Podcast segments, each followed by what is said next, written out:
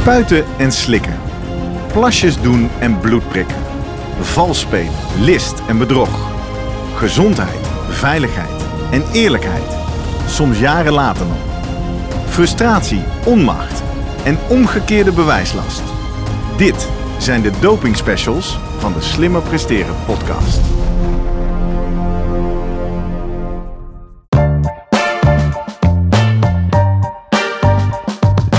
Bij de Slimmer Presteren podcast. Jouw wekelijkse kop koffie met wetenschapsjournalist Jurgen van Tevelen en ik, middle-aged man in Lycra, Gerrit Heikoop. Over sport, onderzoek en innovatie. Voor mensen die hun grenzen willen verleggen, maar daarbij de grens tussen onzin en zinvol niet uit het oog willen verliezen. In deze aflevering praat ik met Jurgen over sleutelen aan de sporter. Waar ligt de grens? Doping in de sport lijkt niet uit te bannen. Een atleet die zich wil onderscheiden zal altijd speuren naar nieuwe hulpmiddelen. Lukt het niet met medicijnen, dan zijn er technologische snufjes of wellicht is genetische manipulatie al een optie. Hoe ziet topsport er in de toekomst uit? De gast is Peter Joosten, biohacker en auteur van het boek Supermens. Voordat we beginnen, nog even drie dingen om aan te denken als jij zelf ook slimmer wilt presteren. Nummer 1. Druk nu gelijk even op abonneren, zodat je altijd direct in de gaten hebt wanneer er een nieuwe aflevering online komt. Nummer 2. Weet dat je Jurgen en mij ook kunt boeken voor jouw volgende bijeenkomst als spreker of presentator. Neem gerust eens contact met ons op via de contactgegevens hieronder. En 3. Deze podcast wordt geproduceerd en gesponsord door Live Online Events. Serieus goede content rondom jouw congres of event. Check www.loe.tv voor meer info. Ja, Jurgen, goedemorgen. Hey, goedemorgen. Daar zijn we weer. Het is weer vrijdag. Uh, tijd voor aflevering 3 in onze doping specials. Yes. En we gaan in de toekomst kijken. We hebben een bijzondere gast vandaag. Uh, zijn boek ligt al uh, een tijdje bij ons hier in de studio. Supermens. Moeten we toch wel even zeggen dat deze Peter niet alleen een begnadigd keynote spreker is, biohacker, maar ook een slimme boekpromotor. Want hij benadert natuurlijk ons via Twitter. hey jongens, ik heb een nieuw boek. Ja. Wil je het lezen? Nou, dat hebben wij gedaan. hij is nu live bij ons. Peter, goedemorgen. Goedemorgen. Ja, hey, goedemorgen. Hartstikke leuk, leuk dat ik uh, bij jullie te gast ben. Ja, tof. Nou, je, dat boek, dat zullen we nu dan maar uit de weg ruimen. Hartstikke interessant boek. Iedereen moet het gaan lezen. Uh, tot zover de commercials. Want we willen natuurlijk even met jou gaan praten over uh, ja, doping, mensverbetering. wat kun je nou allemaal doen om slimmer te presteren? En eigenlijk aan al onze gasten in deze serie beginnen we even met dezelfde vraag. Wij zijn natuurlijk de Slimmer Presteren podcast.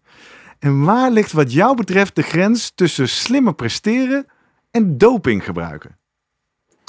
Poeh, waar ligt de grens slimmer presteren en dopinggebruik? Ik denk dat het bij doping heel vaak gaat om regels en afspraken die je met elkaar maakt. En uh, nou ja, zodra je binnen die grenzen uh, ja, daar de ruimte pakt, dan zou het wat mij betreft nog om slimmer presteren gaan. En als dat bevalt, is het doping. Uh, maar ik realiseer me ook wel, nu ik het uitspreek, dat het natuurlijk heel mooi gezegd is. Maar dat we heel vaak uh, grijze gebieden hebben. Dus, uh, maar dat maakt het ook zo interessant, denk ik. Ja, zeker. Ja, heel wat grijze gebieden. En, en een aantal van die grijze gebieden, daar ben je volgens mij bekend mee. het zij omdat jij heel veel mensen in dat terrein spreekt en leest en bekijkt. Het zij omdat je zelf veel experimenten doet. toch even voor onze kijkers en luisteraars die dat, die term niet zo vaak tegenkomen. Wat is een biohacker? nou, dat kan me goed voorstellen. Misschien hebben, hebben jullie wel eens gehoord van de term uh, lifehacker? Want sommige mensen kennen dat wel. Ja, uh, slimme dingen doen om te zorgen dat het dagelijks leven aangenamer en, en efficiënter wordt, toch? Ja, dus het heeft daar wel een beetje mee te maken. Um, met die verstanden dat het verschil met, met biohacker is dat het niet zozeer gaat om, om slimmer werken met, met je telefoon of met je laptop of met je iets anders. Maar dat het eigenlijk meer direct uh, betrekking heeft op de menselijke biologie. Dus um, ik graag vertel is dat de meeste mensen kennen wel hackers uit uh, vroeger en ook nu trouwens. En dan niet zeg maar de hackers die inbreken op, uh, um, op databases en websites, zogenaamde kwaadwillende hackers, maar ook de, ja, je hebt ook goede hackers die eigenlijk naar een computer kijken en zeggen van, nou hij is wel zo, uh, ja, ik heb hem zo gekocht. Maar kan ik er ook op inbreken? Kan ik het ook aanpassen om functies toe te voegen? Of om het geheugen te versnellen? Of om het geheugen uit te breiden? En eigenlijk de premisse van biohacking is dat we ja, ook het menselijk lichaam steeds meer als een computer of als een systeem kunnen zien. Dus op wat voor manier kunnen we daarop ingrijpen om het uh, te versnellen, te verbeteren of uh, nou ja, slimmer te laten werken?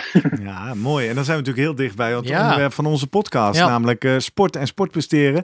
Nog één vraag, ben jij zelf een beetje sportief, Peter? op gewoon amateurniveau hoor. Dus ik, ja? heb, ja, ik heb wel, ik weet niet of dat telt, tijdens mijn studententijd op nationaal niveau geroeid. Oh, in een, natuurlijk telt dat, ja. Ja. En was je clean toen? Wat zei je? Was je clean toen? Oh, was ik clean? Ja, ik was wel clean. Ja, ja goh, als ik toen uh, had geweten wat ik nu weet, dan uh, was het misschien nog wel meer geworden. Want ik, okay. ik ook op boeg. Dus ik wou, ik wou ook wel door naar het uh, tweede jaar, maar dat, daar was ik toch niet goed genoeg voor. Ja. En na wat uitstapjes met, met wielrennen ben ik nu vooral aan het hardlopen en af en toe aan het mountainbiken. Ja, want daar, uh, ja, daar ken ik jou van eigenlijk. Uh, jouw jou, jou, key lecture bij de Nederlandse Vereniging voor Inspanningsfysiologie. Waar je inderdaad vertelde, wat volgens mij in het boek ook begint, een beetje van jij ging hardlopen. Maar je had ja, je Strava of in ieder geval jouw, je GPS deed het niet. Dus jij maakte gewoon, je besloot eigenlijk van ja, ik ga maar weer naar binnen. Want als ik het niet kan opnemen, als niemand dus kan zien wat ik gedaan heb en ik zelf niet, ja, dan, uh, dan, dan hoeft het al niet, zeg maar. Uh, belangrijk voor jou, de, de, wearables nog steeds? of ga je nog wel eens, probeer je nou eens zonder horloge wel eens een keer te gaan, gaan lopen? nee, dat is, ehm, dat is inderdaad wel leuk. Dat ik, ehm, want dat is, het is voor mij wel zo, zo begonnen. Ehm, en ik denk, volgens mij is dat voor jullie ook zo met de podcast, dat je ook je eigen nieuwsgierigheid volgt. En voor mij was het ook dat ik nou, een paar jaar geleden Um, wilde ik wel gaan bloggen. Dus uh, ik wilde graag een blog beginnen. En ik was ook wel geïnteresseerd in sport. Ik hou ervan om, om sport uh, te kijken en om zelf sport te doen. Maar ik had zoiets van, ja, er zijn heel veel blogs daarover. Over zelfsporten of uh, mensen die sport beschouwen. Ja. En ik dacht, wat is nou zeg maar iets wat, wat, wat, ja, wat, wat ik echt kan inbrengen. Wat echt mijn passie is. En dus zat ik erover na te denken. En toen ja, kwam eigenlijk wel dat geval naar voren. Dat ik zoveel bezig was met sporthorloges, sportmeten, bijhouden, delen. Wat kan ik daar allemaal mee vergelijken met anderen? Uh, dat ik dacht, ik ga daar een blog over beginnen. En uh, nou ja, dat, dat is eigenlijk een uit de hand gelopen hobby. Want uh, ja, nu is het mijn fulltime ja. beroep geworden. Ja. hey, maar supermens hè? Ik bedoel, dan denken mensen ook meteen aan, aan topsporters. Olympisch kampioenen, wereldkampioenen. Uh, hoe kijk jij naar topsport? Kijk, jij, kijk jij zelf ook veel naar, uh, naar, naar sport op uh, televisie? Of, Ja, ja ik, vind, ik kijk graag naar sport. Ik heb wel zo mijn, hoe zeg je dat, mijn eigen voorkeuren. Dus ik vind wielrennen heel leuk. Mm -hmm. en ook veldrijden en mountainbiken dan. En ook voetbal wel leuk. Al denk ik dat je daar natuurlijk wat minder echt over. Ja, je kan natuurlijk wel over supermensen hebben, maar is zeg maar een prestatie is meer ook afhankelijk van het samenspellen van andere factoren. Terwijl zeg maar uh, dingen zoals uh, wielrennen of hardlopen, ja, dat is wat, wat gecontroleerdere omgeving. Dus dan kun je ja. denk ik eerder spreken van inderdaad. Uh, maar daar zit, daar zit jij nog beter in, denk ik. Maar zie, jij, ja, zie jij dan ook een supermens? Zie jij een Primoz Roglic van als, uh, ja, als, als inderdaad, uh, nou ja, is eigenlijk toch wel een, een, een stukje dat laatste, die, die, die 1% van, uh, van alle sporters die, die we allemaal willen zijn. Alleen we hebben talent niet en, en de volhardendheid voor, om te trainen niet, et cetera, wat hij wel laat zien. En in die, die zin ja, is hij wel natuurlijk de supermens van het hele spectrum van, van fietsliefhebbers, zullen we maar zeggen, of van, ja. van fietsers. Kijk je er op die manier ook naar? Of zit jij dan ook te kijken naar uh, de technologie die hij gebruikt, zeg maar? De fiets en uh, de aerodynamische houding, uh, de ketonendrank. Hoe, hoe kijk jij naar, naar Primoz Roglic? Nou, eigenlijk allebei. Dus in, in, in beginsel wel vanuit wat heeft Roglic, maar ik vind ook, zeg maar, ook van de Poel interessant, ook vanwege zijn familiegeschiedenis. Die van Roglic weet ik niet precies. Mhm. En dan komen we natuurlijk over, over DNA te, te spreken, waar een aantal van je ja, fysieke capaciteiten en misschien ook wel mentale capaciteiten kun je, kun je laten deels bepaald door je genetische ja, oorsprong. En dat is bij Van der Poel in ieder geval ook wel goed voor elkaar. en, maar daarnaast heb je natuurlijk ook wel een deel hè, omgevingsfactoren. Daar kunnen we zo meteen nog over hebben. Maar eigenlijk wel wat ik wat mij het meest qua techniek uh, het meest is gaan fascineren, was eigenlijk uh, de Paralympische sporters. En daar was ik eigenlijk tot een drie jaar geleden eigenlijk niet zoveel mee bezig. Uh, ik vond het altijd wel knap om te zien, maar ik volgde het niet uh, direct. En voor mijn boek heb ik dan ook gesprekken gevoerd met, met een aantal Paralympische atletes die, nou, die elf, een onderbeen missen of twee onderbenen missen. Dus die met ja, blades rennen. En de meeste mensen kennen wel eh, bijvoorbeeld eh, Oscar Pistorius, eh, de Blade Runner. En nou, dat vond ik ook wel fascinerend, want ik had ook, ging er ook een beetje bleu in. Ik dacht van, nou je, je, nou, je doet zo'n blade onder en dan, dan ten eerste, misschien gaan, we ooit, gaan, gaan die mensen ooit harder rennen dan gewoon atleten. Nou, de, de, atleten die ik spreek, die zeggen van, nou zover is het echt nog lang niet. Um, en ten tweede dacht ik van, nou, je doet zo'n blade onder en je gaat gewoon rennen. Maar dat is ook een heel samenspel tussen de atleet, de training, ook uh, ja, de, de, de prothesemaker en de fabrikant. Um, ja, dus, ik, dus dat heeft eigenlijk wel meer ook mijn uh, interesse de laatste jaren gekregen. Ja, de, de ultieme vraag waar je dan uiteindelijk uitkomt in je boek en ook in de, in de podcast die je met Kimberly Alkemade opnam, hè, en die heeft een, een blade aan één been, is dat je zegt, ja, als nou straks dat soort hulpmiddelen wel zorgen dat je sneller kan lopen dan Usain Bolt op de 100 meter of op welke afstand dan ook, zouden gezonde mensen dan vrijwillig zo'n blade of een exoskelet of wat voor modificatie dan ook aangaan? Peter, wil je die vraag voor ons eens beantwoorden hier vandaag in, uh, wat is het, februari 2021? wat denk jij? Ik denk, uh, als ik voor mezelf spreek, dat, uh, dat ik ook een exoskelet best wel zou willen gebruiken omdat dus dat, ik, dat, dat, dat is een constructie aan de buitenkant van je lichaam die je helpt met bewegen. Hè? Tot nu, nu vaak voor mensen die verlamd zijn of zo gebruikt. Ja. ja. Ja, klopt. En de reden dat ik dat, dat het de GAT zeg, is omdat het ook een, een, een, technologie is die je kan gebruiken en weer los kan doen. Terwijl je, als, het, als we die vraag stellen over een prothese, dan, nou, dan moet je ook een deel van je eigen lichaam uh, opofferen. Hè? Dus dat je zegt van, nou, ik uh, denk dat ik harder ga met een uh, uh, blade uh, dan om een eigen biologische onderbeen op. En uh, nou, dat is ook wel grappig, want ik stel die vraag dan ook aan, aan Kimberly en ook aan Fleur Jonge, andere atleten. En die kijken, die, vinden, die, die kunnen die vraag eigenlijk helemaal niet zo voorstellen. Ehm, dat ik zo'n. Zo dat kan me ook heel vanuit hun heel goed voorstellen. Um, en toch denk ik, als ik ik denk niet dat het zeg maar voor uh, de gemiddelde Nederlander geldt. Maar toch kan, denk ik dat het zeg maar ook in bepaalde beroepsgroepen, bijvoorbeeld in, uh, in het leger, um, of toch inderdaad wel bepaalde sporters, dat die toch wel eerder dat zullen gaan doen. Dus het, ik denk dat het wel gaat gebeuren. Uh, alleen om de reden dat de belangen zo groot zijn. Ja. maar goed, dan, dan is wel de vraag. ik had het net over roeien. En in roeien heb je dan de, de lichte en de zware roeiers. Um, gaan we dan ook dit soort categorieën krijgen uh, in de toekomst voor uh, mensen die alles aan hun lichaam modificeren en aanpassen en de zogenaamde natuurlijke sporters? Um, ah, dat onderscheid hebben we nu ook tussen Paralympisch en Olympisch. Er komt er dan weer een categorie bij, dat weet ik niet. Maar dat zijn de, vind de, ik wel. De Technolympics ja. uh, zou je dan krijgen. Wat, wat voor categorieën ja. kunnen we daar verwachten? Je, je noemt al exoskeletten, blades die ons sneller laten rennen. Heb je al meer spannende protheses of aanpassingen gezien? We denken, nou, als die zich doorontwikkelen, dan wordt dat uh, interessant. Nou, wat ik wel, uh, uh, maar ik denk dat ook in, in, met de andere gesprekken in deze reeks dat jullie daar wel vaker over hebben. Maar ik heb laatst een, boek gelezen van Tyler Hamilton, The Secret mm -hmm. Race. En het ging dan over de tijd met Lance Armstrong. Wel echt een super interessant boek. Ik heb het als luisterboek geluisterd.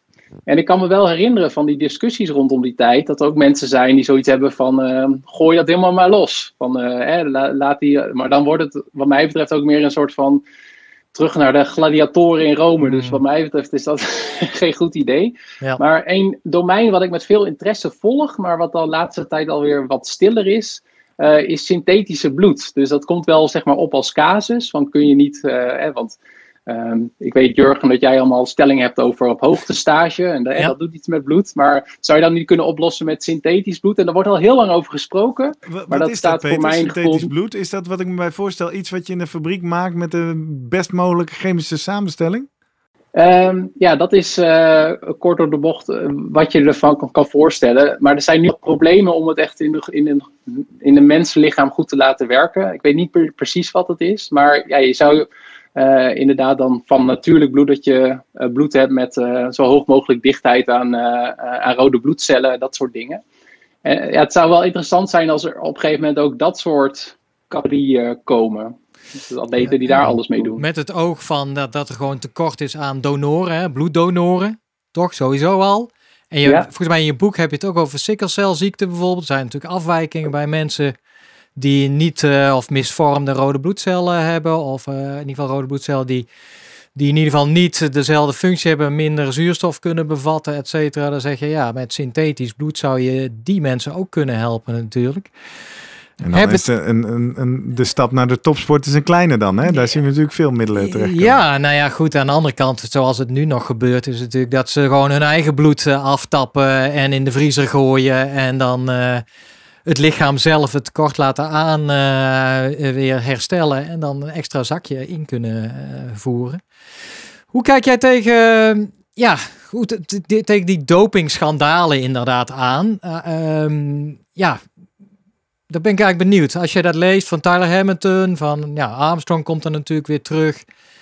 Um, en dan bedoel je specifiek vanuit perspectief als biohacker die de mens wil verbeteren. Ja. Zeg jij Peter, ja, dat is gewoon wat biohacking is, toch? ja, ik vind het, uh, uh, ik vind topsport echt de ideale proeftuin om hierover na te denken. Dus in ik denk sommige sporten zijn behoorlijk, uh, wordt van gezegd dat die behoorlijk conservatief zijn. Maar als het gaat om, om biohacking en mensverbetering, dan vind ik topsport ja, waanzinnig interessant en volg ik het ook met veel interesse.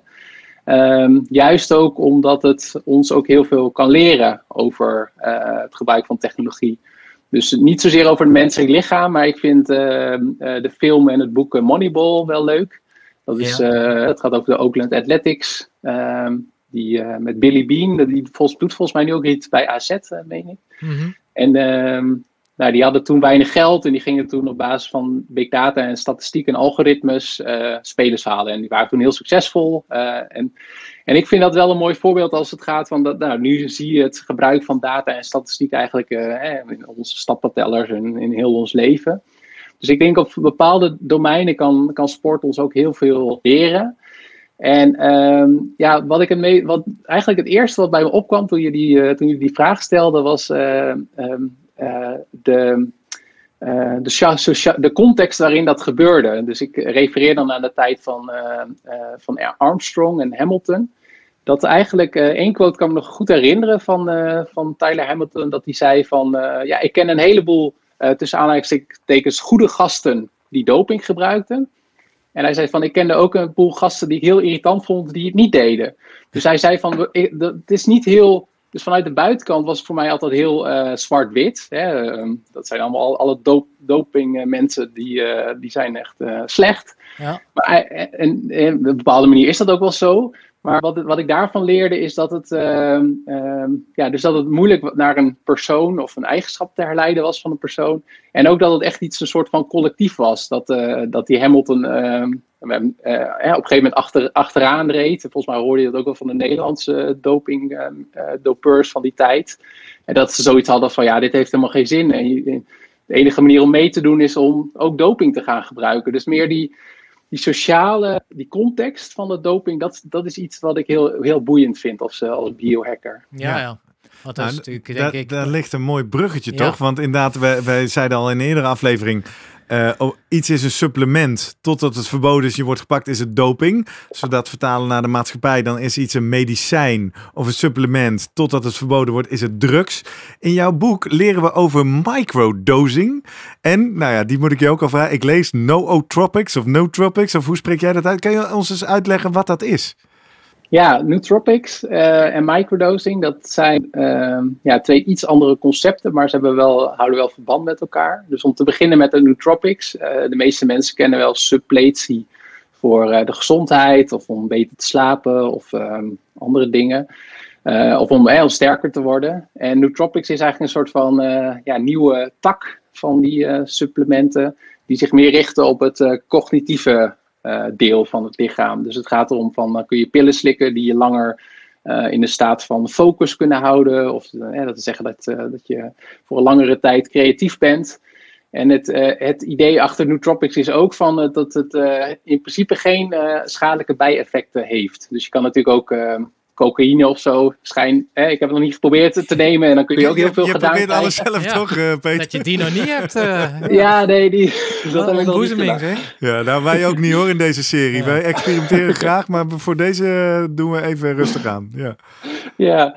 En, en, en, wat, en dus dat, dat is dus een, een, uh, ja, een, een, tak van sporten wat, uh, wat opkomt. En ja, eigenlijk het, het, het, het, betoog wat ik maak in mijn boek is dat veel van dit soort middelen bestaan ook vanuit, uh, vanuit, de, vanuit de medicatiekant. Dus uh, zeker in Amerika uh, heb je bijvoorbeeld Adderall of Ritalin. Dat zijn ja, ik. Wou zeggen, om het plat te slaan, het is toch gewoon Ritalin slikken terwijl je geen ADHD hebt, of niet?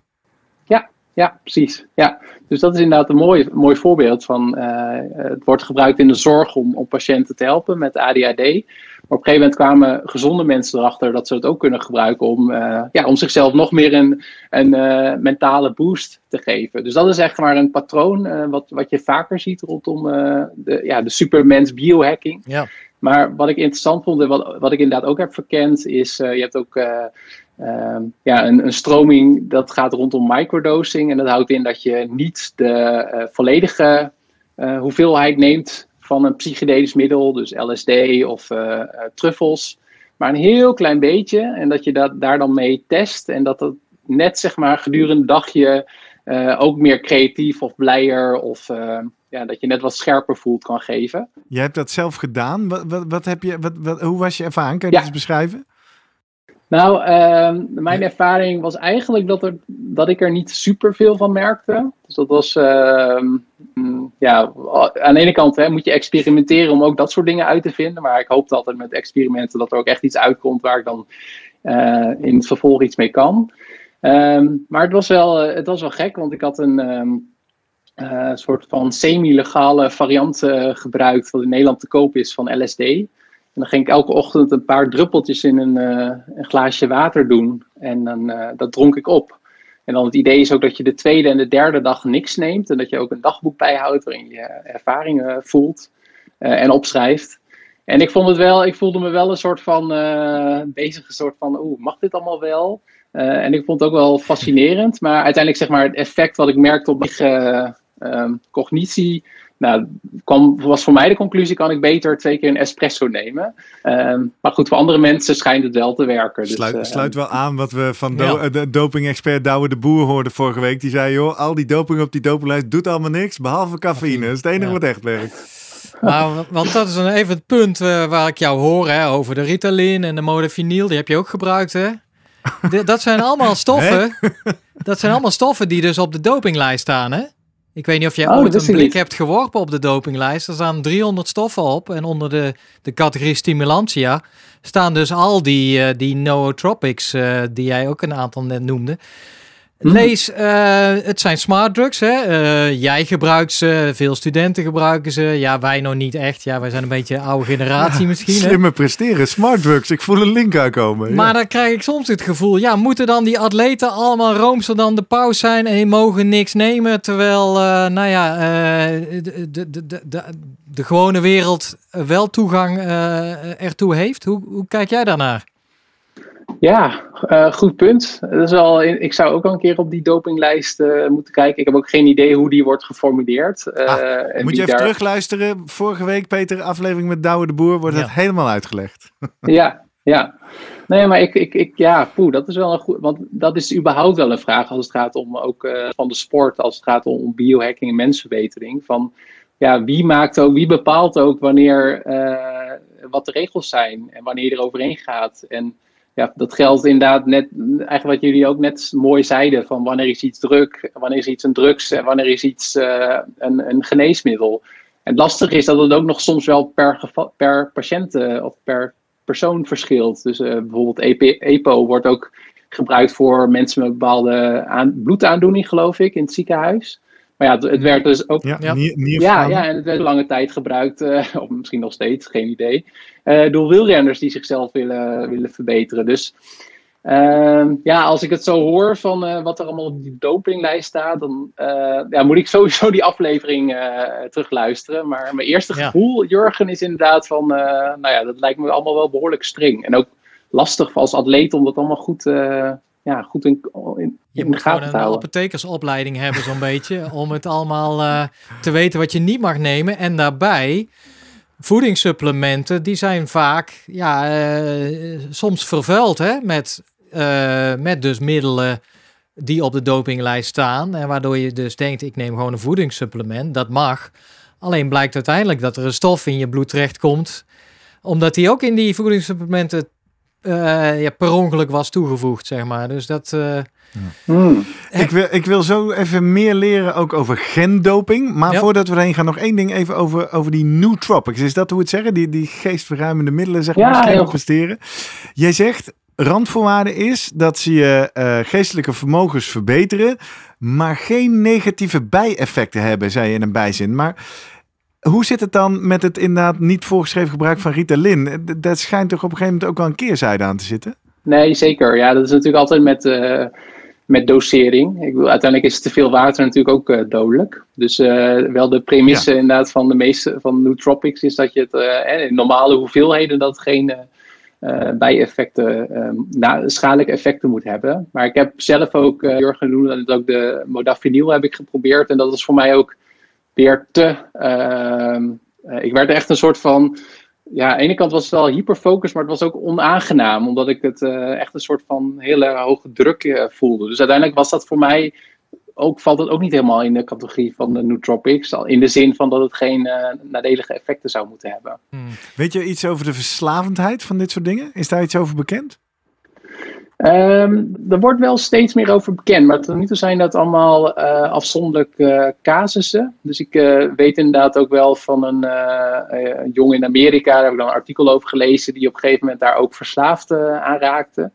Um, en ik, naar mijn weten zijn die, zijn die stoffen of die supplementen op zichzelf niet uh, fysiek lichamelijk. Alleen wat er wel kan gebeuren is dat je, uh, en dat, die periodes heb ik ook wel gehad, dat ik een soort van mentaal afhankelijk ervan word. Dus ik denk van ik heb echt zo, zoiets nodig, al anders uh, presteer ik niet goed vandaag. Dus ik denk dat er altijd wel een soort mate van uh, ja, afhankelijkheid en verslaving in kan zitten. Ja. Weet je wat mij toch uh, nog steeds, wat ik me af, afvroeg, dat zijn, de meeste zijn medicijnen, hè? of zo zijn ze oorspronkelijk ontwikkeld. Lees, ze moeten voorgeschreven worden door een arts. Toch kun jij al die dingen kun jij op internet vinden. Is dat, is dat inderdaad makkelijk eigenlijk, of moet ik daar het dark web al voor op en zo? Of, volgens mij de dingen die wij tot nu toe besproken hebben, die kun je allemaal wel uh, gewoon op een, uh, hoe heet het, uh, de keerzijde van de dark web, gewoon het gewone web, web vinden. Um, ja. Maar soms is, is het inderdaad wel ja. zo dat het in Nederland niet verkrijgbaar is, of in Nederland via apothekersrecept, en dan, ja, dan importeer ik het.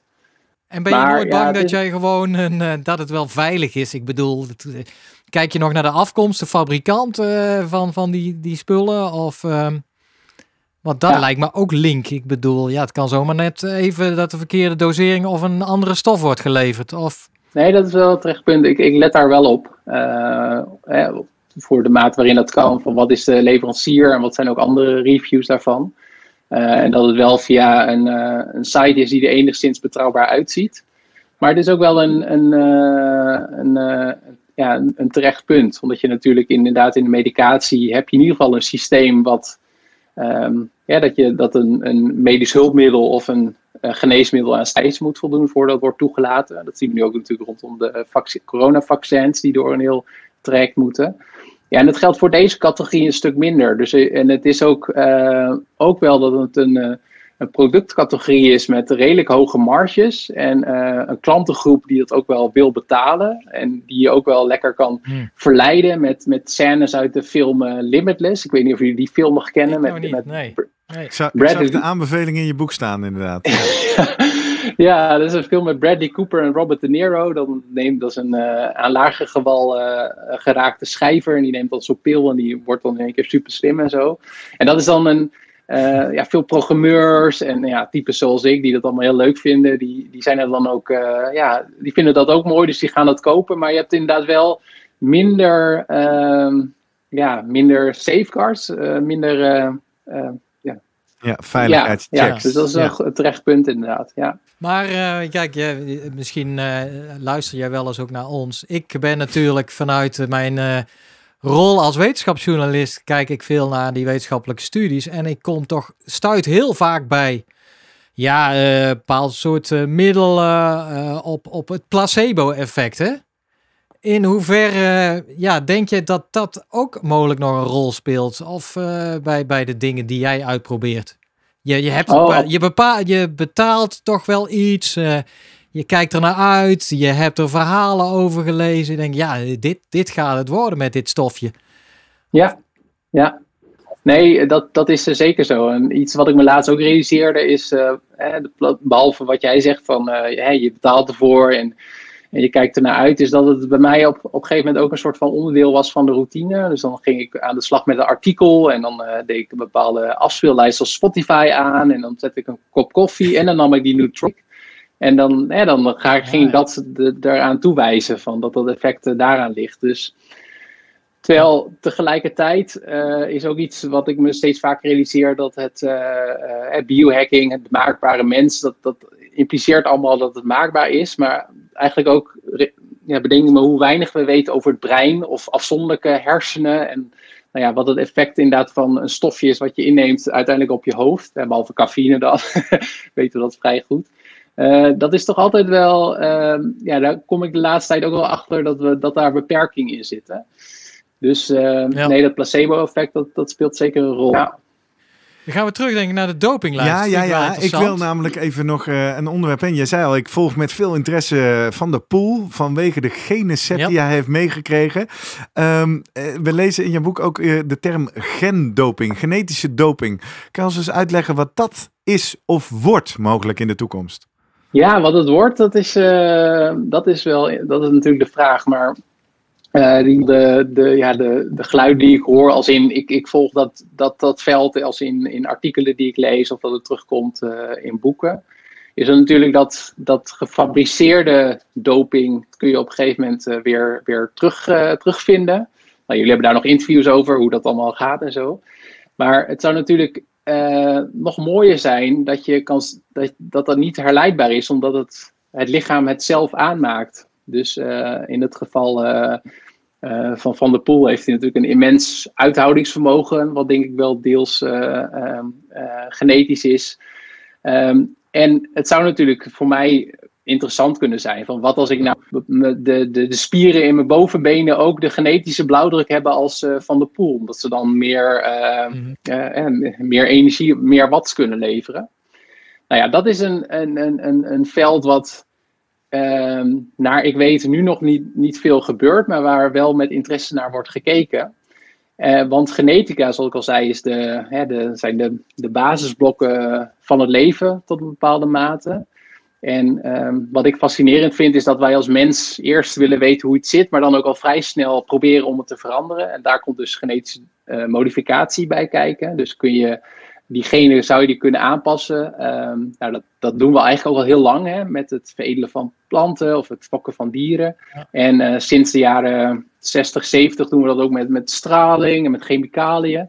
En 2012 of 2013, toen publiceerden Jennifer Doudna en Emmanuel Charpentier hun onderzoek naar CRISPR-Cas9, waar ze ook uh, afgelopen najaar de Nobelprijs uh, voor hebben gekregen. Nou, en dat is zeg maar in die onderzoekslaboratoria is dat een hele grote opmars bezig, of is eigenlijk al gaande, omdat het het genetische modificeren veel sneller, goedkoper en, en makkelijker maakt. En het wordt dus al toegepast, of in ieder geval bij uh, patiënten getest die bijvoorbeeld leukemie hebben. Er wordt de bloed eruit gehaald, aangepast en weer bij de patiënt ingebracht. Maar hier hebben we het weer tussen het verschil tussen, uh, nou ja, dat wordt wel gebruikt om patiënten te helpen, maar er zijn dus ook al mensen die nadenken van kunnen we het ook gebruiken om uh, ja, gezonde mensen te verbeteren. Een bekend voorbeeld is, het zijn twee Chinese kindjes geboren in eind 2018, Lulu en Nana. En bij hen is een, in hun embryonale staat is het een gen aangepast om ze resistent te maken tegen HIV. Nou ja, zou je nog kunnen zeggen dat is een soort van genezen. Um, maar het interessante is dus dat er ook al wordt, dat het al bekend is van sommige genen, um, dat ze voor een bepaalde mate inderdaad, ik kan me niet zo goed herinneren, maar het schijnt ook dat je als je kijkt naar de, alle finalisten van de 100 meters van de afgelopen zoveel, dan hebben die allemaal wel een soort bepaalde genetische variant uit mijn hoofd. Ehm, dus wat ik interessant vind is, zijn er, gaan we dan in de toekomst ook zien dat atleten ehm, dat die gaan kijken om zichzelf genetisch te modificeren. Of dat het al. Um, Dan laat ik nog één stapje terug doen. Dat er, wat ik weet is dat er heel veel wordt gekeken met wisselend resultaat naar kunnen we ook de genen van jonge sporters al identificeren en dat het ook al mee laten wegen in welke sport ze gaan doen. Um, dus dat is denk ik een eerste stap. En als, nou, uh, wellicht in de toekomst weer verder. Als talentherkenning. Ja, ja, precies. Talentherkenning. Dat zou dan te maken hebben met genetische analyse. En dan uh, mooie genenpool ontdekken zonder dat mensen al prestaties hebben laten zien. Ik wil toch ook even. Je zegt CRISPR-Cas. Die term hebben misschien veel mensen al gehoord. Niet weten wat het is. In lekentaal volgens mij uitgelegd. Een soort knippen en plakken. Hè? Je kan stukjes genen uh, die je wil hebben ergens uithalen. En in de genenstring stoppen. Voor mijn beeld doe je dat, je noemt het voorbeeld van de twee Chinese kindjes, dan doe je dat in de embryo-fase. Um, heeft zoiets ook nog straks, straks of kan zoiets ook op latere leeftijd? Zou kunnen zeggen, nou, 18, goede fietser, maar we geven hem even uh, de, de spierontwikkeling van Mathieu van der Poel in zijn bovenbeen inderdaad? Of waar vindt zoiets plaats? En ik snap dat het toekomstmuziek is, maar neem ons eens mee. Wat denk je? Ja, tot nu toe is dat wel de grote moeilijkheid. Dus daarom heb ik ook de voorbeeld van het bloed. Uh, dus laatst ook een test, een uh, proef gedaan bij de bepaalde cellen in de oog. En het voordeel is, daar konden ze echt heel specifiek naar die cellen toe. Maar als je al, als, als, als ze al, als jullie al mijn cellen willen veranderen, DNA naar het DNA van Mathieu van der Poel of Lionel Messi of weet ik veel wat. Ja, ik ben even de getallen vergeten, maar we hebben 3,8 miljoen cellen of zo of meer. Um, dus dat is wel heel lastig. Dus wetenschappers zijn daarnaar eh, aan het kijken van hoe krijg je ook die, die CRISPR-Cas op de juiste plek. En hoe zorg je ook dat het op de juiste plek ook uh, modificaties maakt. Want je hebt ook zogenaamde off-target effect. Dus dat het ook nog ergens anders iets ja, ja, ja, uh, in de lettercode verspringt. Ja. Dus dat is inderdaad nog wel een, uh, een punt. Um, maar er zijn dus mensen, biohackers, een stap verder gaan dan ik. En die zeggen van nou, ik wil gespierder worden. Dus ik prik zo'n spuit met die uh, CRISPR-Cas uh, in mijn bovenbeenspier. En nou, dat heeft, in, uh, heeft dan in dat geval niet gewerkt. Ja. Um, dus ik, ik vermoed, zeg maar, als je het hebt over echt, als ik even kan filosoferen over de toekomst, dat het dan eerder, het is, het is toch wel het meest effectief om het zo vroeg mogelijk te doen. Dus inderdaad in de embryonale fase. En nou ja, als die technologie steeds beter wordt, dan, uh, ja, het klinkt misschien als een science fiction verhaal, maar dat sluit ik niet uit dat er mensen zijn die, voor wie dat wel heel interessant is, omdat op jonge leeftijd zeg maar bepaalde goede genen voor uh, uithoudingsvermogen of iets anders uh, aan te passen. Ja, wat ik, wat ik me nu volgens mij de stand van zaken is een beetje van dat ze erachter komen dat uithoudingsvermogen niet simpel één gen is, maar al snel 20, 30 verschillende genen bij betrokken. Dus dat daar nog een beetje de beperking zit. Uh, plus daarbij het feit dat, uh, nou ja, uh, dingen als uithoudingsvermogen voor de helft genetisch lijken en voor de andere helft toch door omgevingsfactoren beïnvloed. Wat ik nog wel even zat te denken aan de nieuwe vaccins, hè? waar ze gewoon mRNA natuurlijk geven. Dat is ook knippen en plakken met DNA, toch? Ergens wel. En, en spiercellen de uitsteeksels van het coronavirus laten maken. Uh, op dezelfde manier zou je natuurlijk ook op die manier uh, bijvoorbeeld uh, receptoren voor uh, EPO of iets dergelijks aan spieren kunnen aanbieden. Kan je inderdaad met, met virussen en bepaalde mRNA erin, of met vetbolletjes zoals ze dan doen, kan je op die manier wel op latere leeftijd of voor een bepaalde wedstrijd of in de trainingsperiode ja, spieren oppeppen op die manier? Oeh, dat is wel een interessante vraag. Ehm, dan zou je het inderdaad meer over een, ehm, dat soort mechanismes hebben, omdat je dan inderdaad de, de vaste, de, de, de basiscode, die zit al vast. Dus dan moet je inderdaad kijken meer naar mhm. de, de transcriptie van, uh, van DNA naar RNA, of en dan met gebruik van mRNA. Er wordt ook wel veel gesproken over epigenetisch programmeren. Dus epigenetica gaat erover van in welke mate een gen tot expressie komt. Um, maar dat is ook nog een heel jong vakgebied. Maar ja, wat je zegt, dat zouden wel interessante toepassingen zijn. En iets anders wat ik me ook nog, ik heb de naam zelf nog opgeschreven, dus ik, misschien kennen jullie hem wel. Uh, Mantiranta. Uh-huh. Dat is een dat is vind, dacht ik van dat is wel een hele interessante casus. Want dat was eigenlijk iemand waarvan ze, dat is een Finse cross-country skier, geloof ik. En die had zo'n on, onwaarschijnlijke score op uh, aantal rode bloedcellen, geloof ik, dat ze dachten, nou, die man heeft gedoopt. Die is gedrogeerd. En tot is achter, eigenlijk achterkwamen dat hij gewoon heel, ja, hij is gewoon die geneset die zorgt dat hij, dat dan heel erg goed is in die sport. En samen met wat jij zegt hoor, natuurlijk, uh, als hij in Kenia was geboren, dan was hij geen goede ja. cross-country skier uh, geworden. Um, en en dat, dat wil ik nog aantikken, want dat vind ik ook wel interessant, want dat is vaak een, een, een argument wordt, wordt, wordt gemaakt uh, eigenlijk om dit meer toe te staan. Dat ja. ze eigenlijk zeggen van ja, eigenlijk is het natuurlijk het oneerlijk dat iemand zich genetisch modificeert, maar is het ook het is ook oneerlijk dat, uh, dat die meneer zo'n fantastische genenpakket heeft gehad. Dus dat, nou, dat wou ik nog even neerleggen. Ja, ja, ja ik, ik, ken het verhaal. Volgens mij zat, er, zat daar iets in de EPO-receptor waardoor er geen uh, feedback loop was. En hij bleef maar EPO aanmaken. En hij had inderdaad een hemocriet van over die 50%.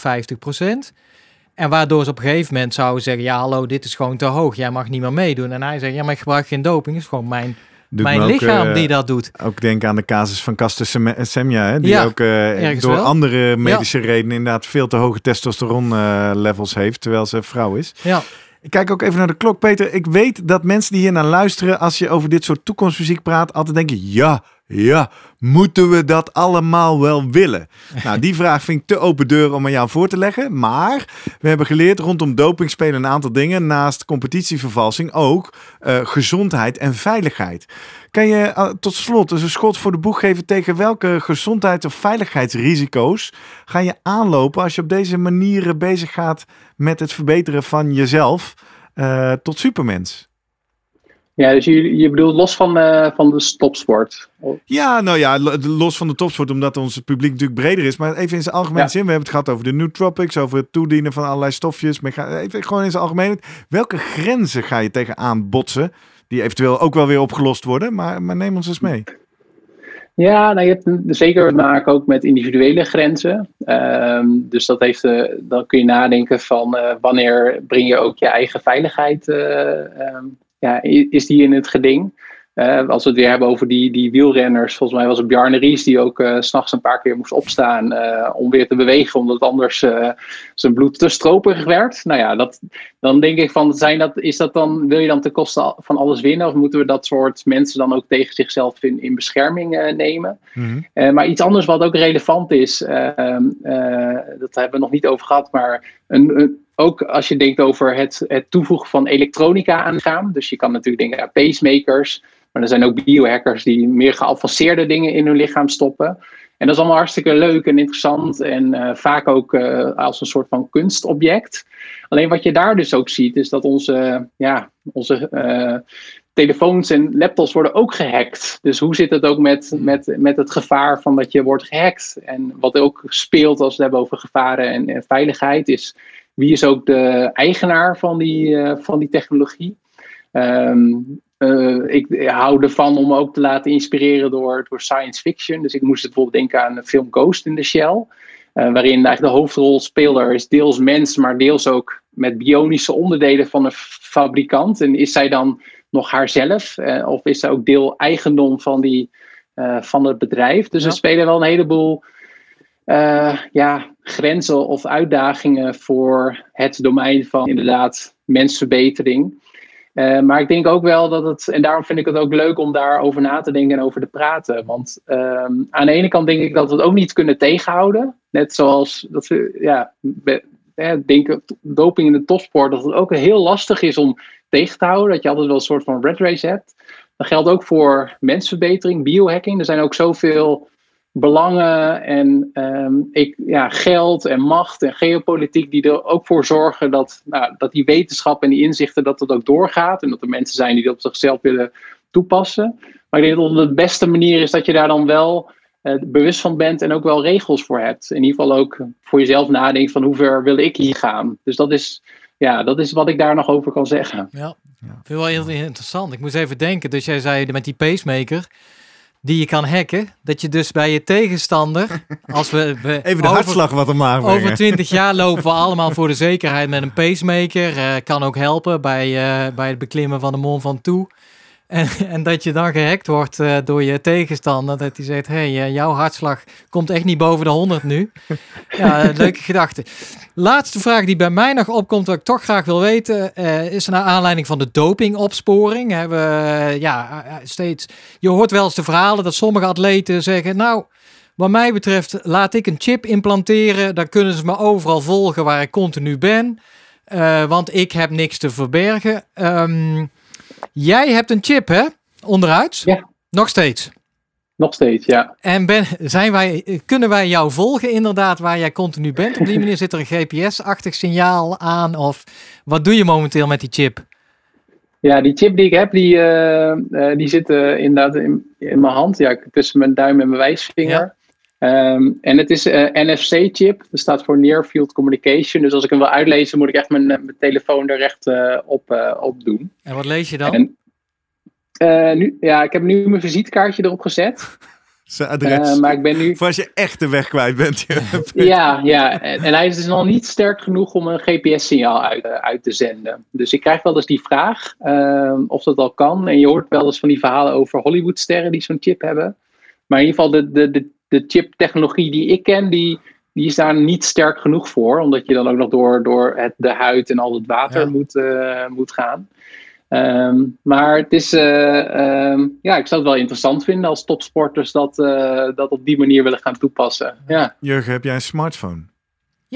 Nou oh. jongen, ik kan je vertellen, je hebt al lang een chip bij je die de hele dag kan vertellen waar ja, je bent. Dus dat hoeft echt niet onder je huid. Die neem ik niet altijd mee. Hè? nee. Bedoel, maar dat is dan meteen ja. verdacht hè, als hij niet bij je is. Mooi. Shit, ja. Dankjewel. Hey Peter Joosten, wat goed. Uh, de aanleiding was het boek Supermens. Ik hou hem nog maar een keer uh, voor de camera. Hartstikke interessant boek met alle dingen die jij op je reis uh, in de wereld van biohacking en mensverbetering tegenkomt. Superleuk.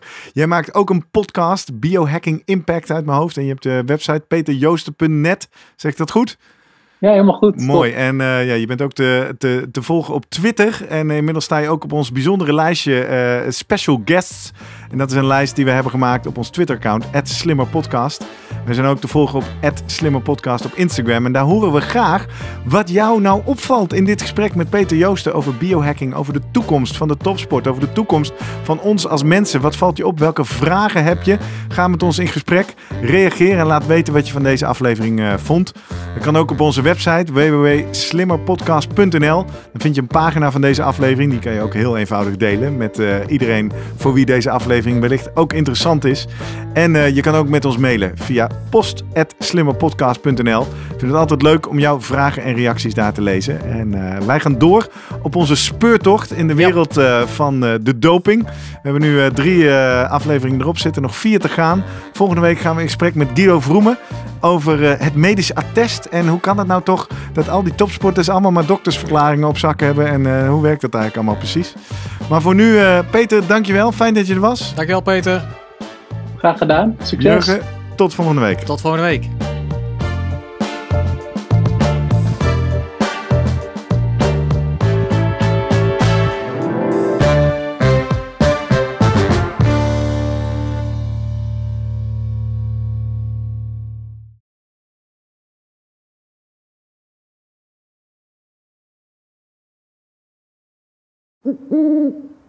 Hey, pst. Voordat je weggaat, denk er nog even aan uilentorenloop.nl. Dan zien we je de eerste zaterdag van juni. Tot dan!